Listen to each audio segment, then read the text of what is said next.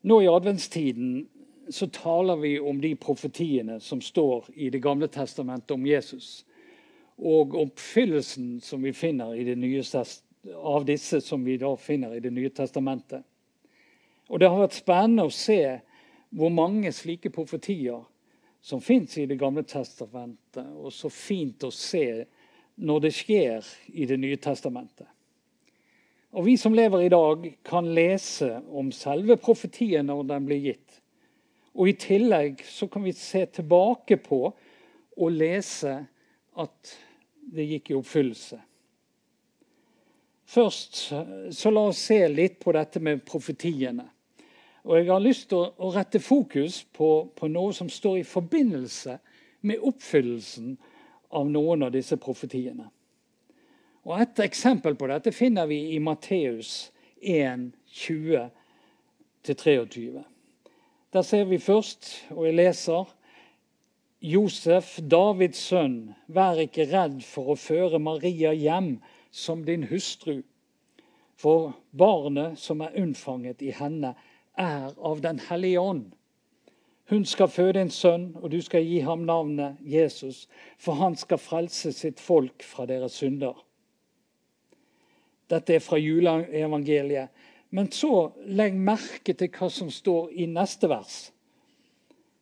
Alt dette skjedde for at det Herren har talt gjennom profeten, skulle oppfylles.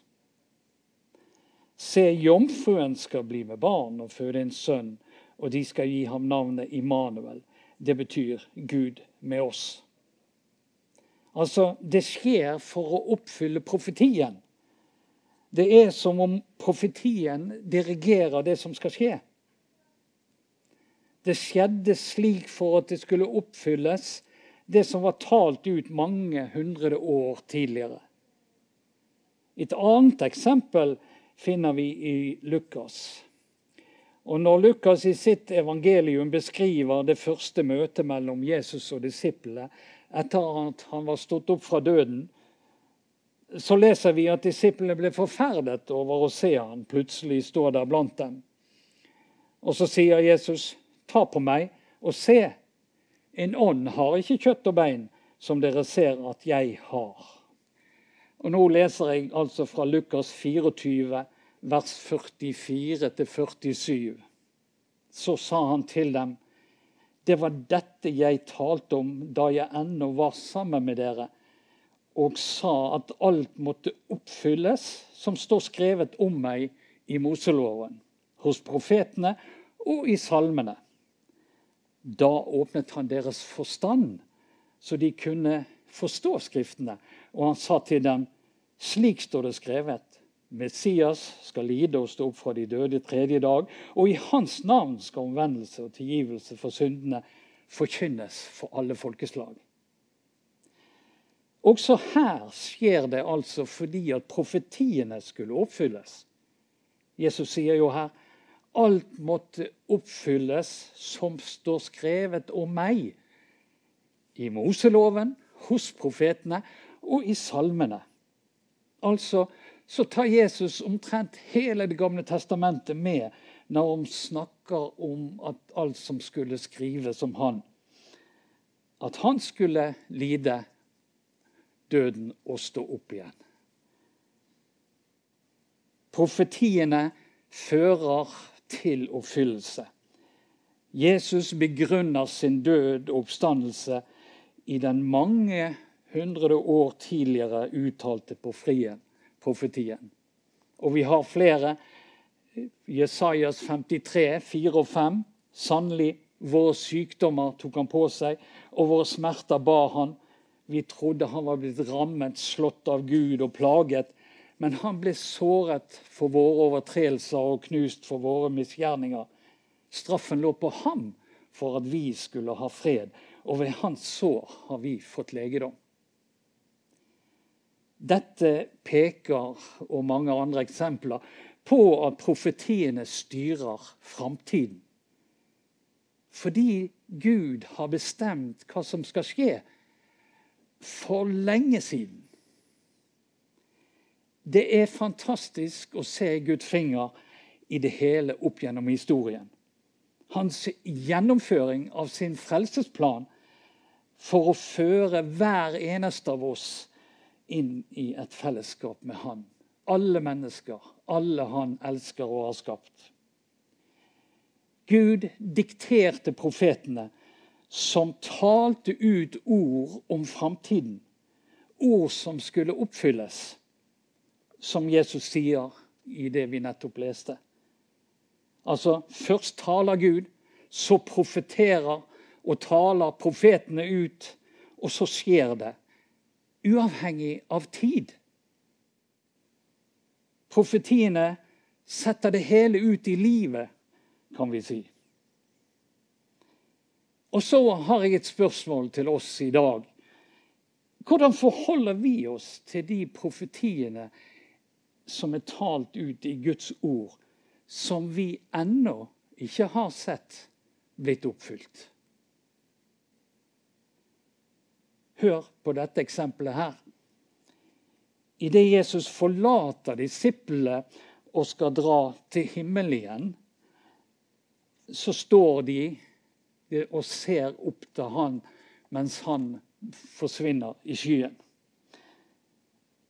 Og da leser jeg Da han hadde sagt dette, ble han løftet opp mens de så på, og en sky tok han bort foran øynene deres. Som de nå stirrer mot himmelen mens han dro bort, sto to menn i hvite klær foran dem og sa, Galilere, hvorfor står dere og ser mot himmelen? Denne Jesus som blir tatt bort fra dere og opp til himmelen, han skal komme igjen på samme måte som dere har sett ham fare opp til himmelen. Det englene sier her, har ennå ikke skjedd. Det ble sagt for over 2000 år siden. Hvordan forholder vi oss til det? Vi kan velge å leve i en forventning til at Jesus skal komme igjen for å hente oss og de som er hans, hjem til seg. Og jeg håper det er det vi gjør, alle sammen. Profetiene som er gitt oss om Jesus, Guds rike osv., som vi finner i Guds ord, og som vi har sett blitt oppfylt, de vitner om at det som er profetert om framtiden, kommer til å skje. For Guds ord står fast, som vi vet. Disse oppfylte profetiene bekrefter Bibelens troverdighet. Vi skal se på profetien om at Jesus skal være kong Davids sønn og arving til hans trone. Jesus skulle være konge. Profetien som vi straks skal lese slutten av, ble gitt til kong David av profeten Natan. Og den står i første krønikerbok, kapittel 17. Profeten Natan var en uredd profet som levde tett på kong David. Og han er mest kjent for å ha konfrontert David, som hadde vært utro, ved å si 'du er mannen', som forførte Batseba og sendte hennes mann Uria i døden. Jeg skal lese en del av denne profetien fra vers 11 til 15. Det skal skje når dine dager er til ende, og du går til dine fedre, at jeg reiser opp din etterkommer, en av sønnene dine, til å etterfølge deg. Jeg vil grunnfeste kongedømmet hans.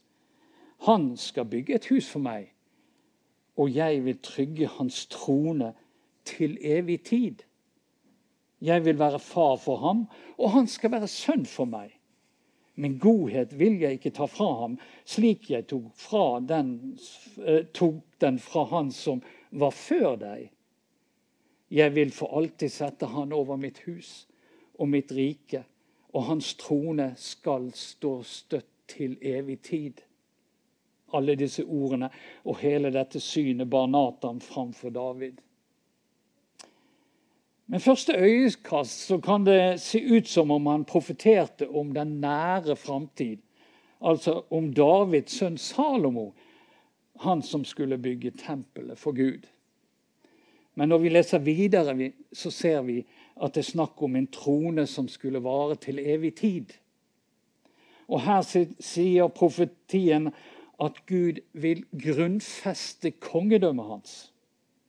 Gud skal være far, og han skal være sønn. Og Gud skal trygge hans trone til evig tid. Da må det være en profeti om Jesus ta med en liten profeti til fra Salme 2, 6-8. Og det er Herren Gud, Han som troner i himmelen, som taler. Det er jeg som har innsatt min konge på Sion, mitt hellige fjell.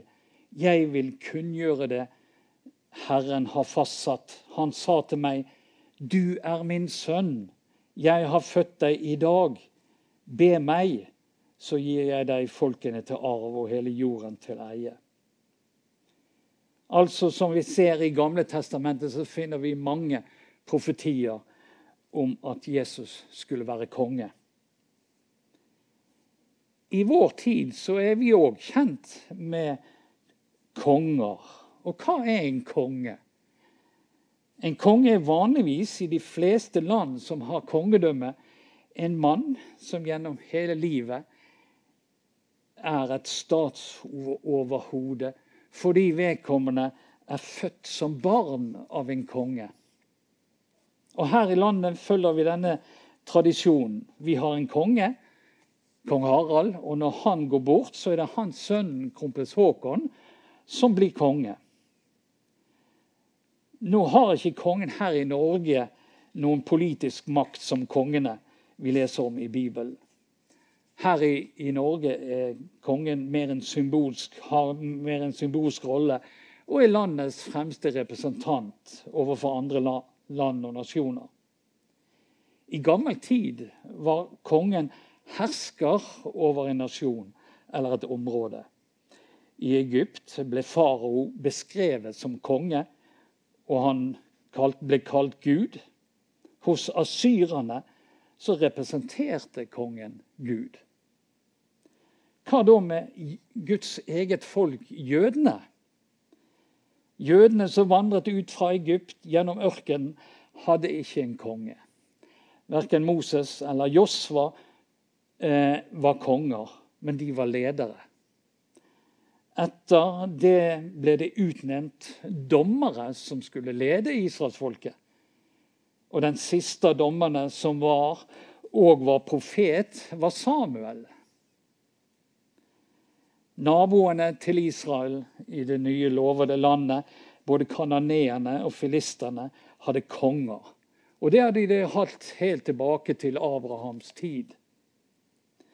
Nå skal vi lese noe spesielt. Noe som forteller oss noe om Gud som skjer på Samuels tid. Og Jeg leser fra 1. Samuels bok 8, 4-7. Da samlet alle de eldste i Israel seg og kom til Samuel i Rama. De sa til ham, Nå er du gammel, og sønnene dine følger ikke i dine fotspor. Sett derfor en konge til å styre oss, slik, alle de, slik alle de andre folkene har. Men Samuel så med uvilje på dette, at, at de sa, gi oss en konge som kan styre oss og han ba til Herren. Men Herren sa til ham, hør på folket og alt det de sier til deg. For det er ikke deg de har forkastet. Det er meg de har forkastet og ikke vil ha til konge over seg. Altså I stedet for å velge en ny dommer av folket, så ville de ha en konge slik som nabofolkene hadde det. Og Samuel han bringer folkets ønske framfor Gud i bønn, nærmest mot sin egen vilje. Men så kommer dette svaret fra Gud som er mildt sagt overraskende. Hør på, på folket og alt det de sier deg, sier han til Samuel. For det er ikke deg de har forkastet, det er meg de har forkastet, og ikke vil ha til konge over seg. Gud ville være konge, men folket ville ikke. Og her ser vi at Gud, han gir seg. Når vi nå ser på Jesus som konge, så syns jeg det ser ut som om at Gud tar tilbake kongetittelen. Gud etablerer Guds rike og setter Jesus inn som konge og hersker til evig tid. Nå skal vi se litt på oppfyllelsen av noen av disse profetiene som vi finner i Det nye testamentet. Jeg leser fra Lukas, det første kapittel, 30 til 33. Og Dette er òg en av juletekstene. Og det er engel Gabriel som bringer budskap til Maria. Men engelen sa til henne, 'Frykt ikke, Maria, for du har funnet nåde hos Gud.' Hør, du skal bli med barn og føde en sønn, og du skal gi ham navnet Jesus. Han skal være stor og kalles den høyeste sønn, og Herren Gud skal gi ham hans far Davids trone. Han skal være konge over Jakobs hus til evig tid. Det skal ikke være ende på hans kongedømme. Her blir profetien oppfylt. Her finner vi igjen de samme ordene om Jesus. Han skulle være Guds sønn, han skulle være konge, og kongedømmet skulle vare til evig tid. Og vi finner flere steder i Det nye testamentet bekreftelse på at Jesus skulle være konge. Og Jeg tar bare med noe av det. Dere husker at når de vise menn som hadde fulgt stjernen, kommer fram til Jerusalem, så oppsøker de kong Herodes, og så spør de etter jo nettopp jødenes konge. De kjente nemlig til profetien fra profeten Mika om at en hersker, en konge, skulle fødes, og de kom for å hylle ham. Det står i Mika 5,1, eh, som er gjengitt i Matteus 2, 1-5. Men du, Betlehem, er frata, den ringeste blant ættene i Juda.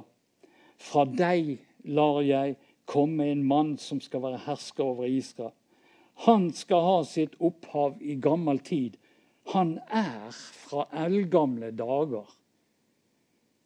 Det er Jesus det er snakk om her hvem andre er fra eldgamle dager.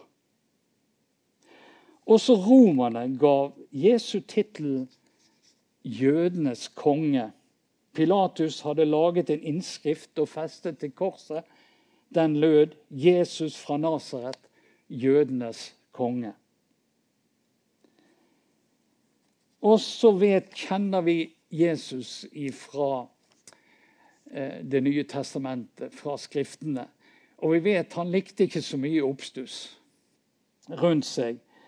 Så jeg lurte på, når jeg holdt på med dette, aksepterte Jesus kongetittelen? Ja, det gjorde han.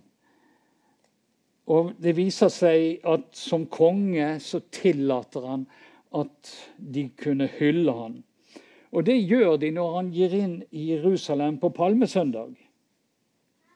Dagen etter fikk folkemengden som var kommet til festen, høre at Jesus var på vei inn til Jerusalem. Da tok de palmegreiner og gikk ut for å møte ham. Og de ropte, Hosianna, velsignet være Han som kommer i Herrens navn, Israels konge.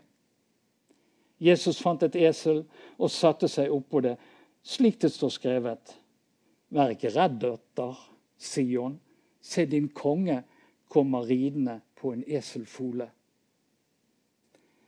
Jesus, som i mange andre beretninger som jeg var inne på, ikke ville ha noe oppstuss omkring seg. Han sa til enkelte som han nettopp hadde helbredet, at de ikke skulle fortelle noe om ham.